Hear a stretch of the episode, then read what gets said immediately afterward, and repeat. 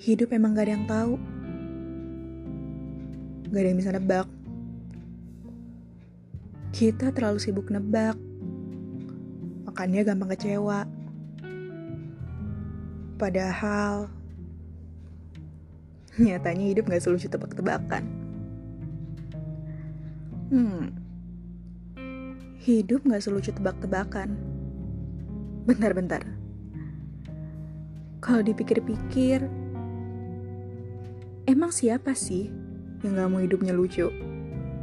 Asik, seru, segalanya bisa dibecandain.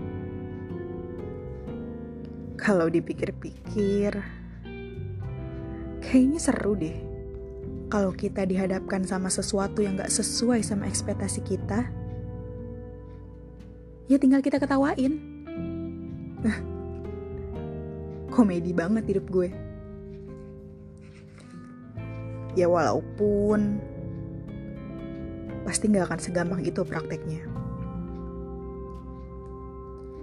Ayo, coba kita sebutin satu-satu tebak-tebakan yang tadinya cuma buat senang-senang, ngayal-ngayal babu, tapi malah berujung ekspektasi yang bikin mumet. Mungkin ada yang mikir dapat pacar pas SMA. Ternyata enggak. Mungkin ada yang mikir masuk perguruan tinggi negeri. Ternyata enggak.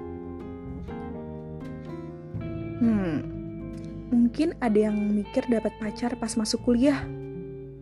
Ternyata enggak juga. Mungkin ada yang mikir bakal ditembak, tapi masih juga belum. Yang udah pacaran, mungkin mikir bakal langgeng, ternyata enggak. Mungkin ada yang mikir lulus tahun ini, ternyata enggak. Udah lulus, mungkin mikir bakal langsung dapat kerja, ternyata enggak. Atau mungkin ada yang mikir, paling enggak ada satu orang yang diem-diem sayang paling nggak naksir deh sama kita. Ternyata satu-satunya yang paling menyayangi diri kita sendiri ya kita. Atau mungkin ternyata juga enggak. Iya enggak sih? Kita terlalu nggak sabar dijodoh-jodohkan sama kebahagiaan.